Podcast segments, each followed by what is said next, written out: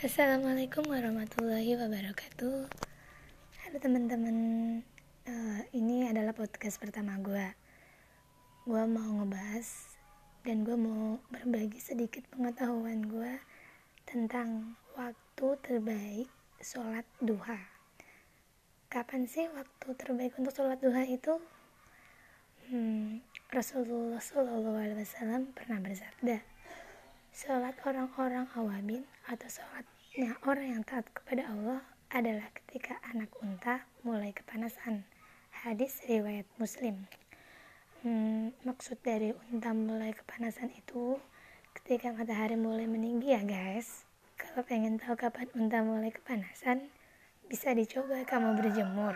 Kalau sekiranya sinar matahari udah mulai gak enak buat berjemur, itulah waktu yang terbaik untuk sholat duha. Dan juga waktu duha yang terbaik itu ketika orang mulai sibuk dengan pekerjaannya, mulai lalai dengan karena kesibukannya.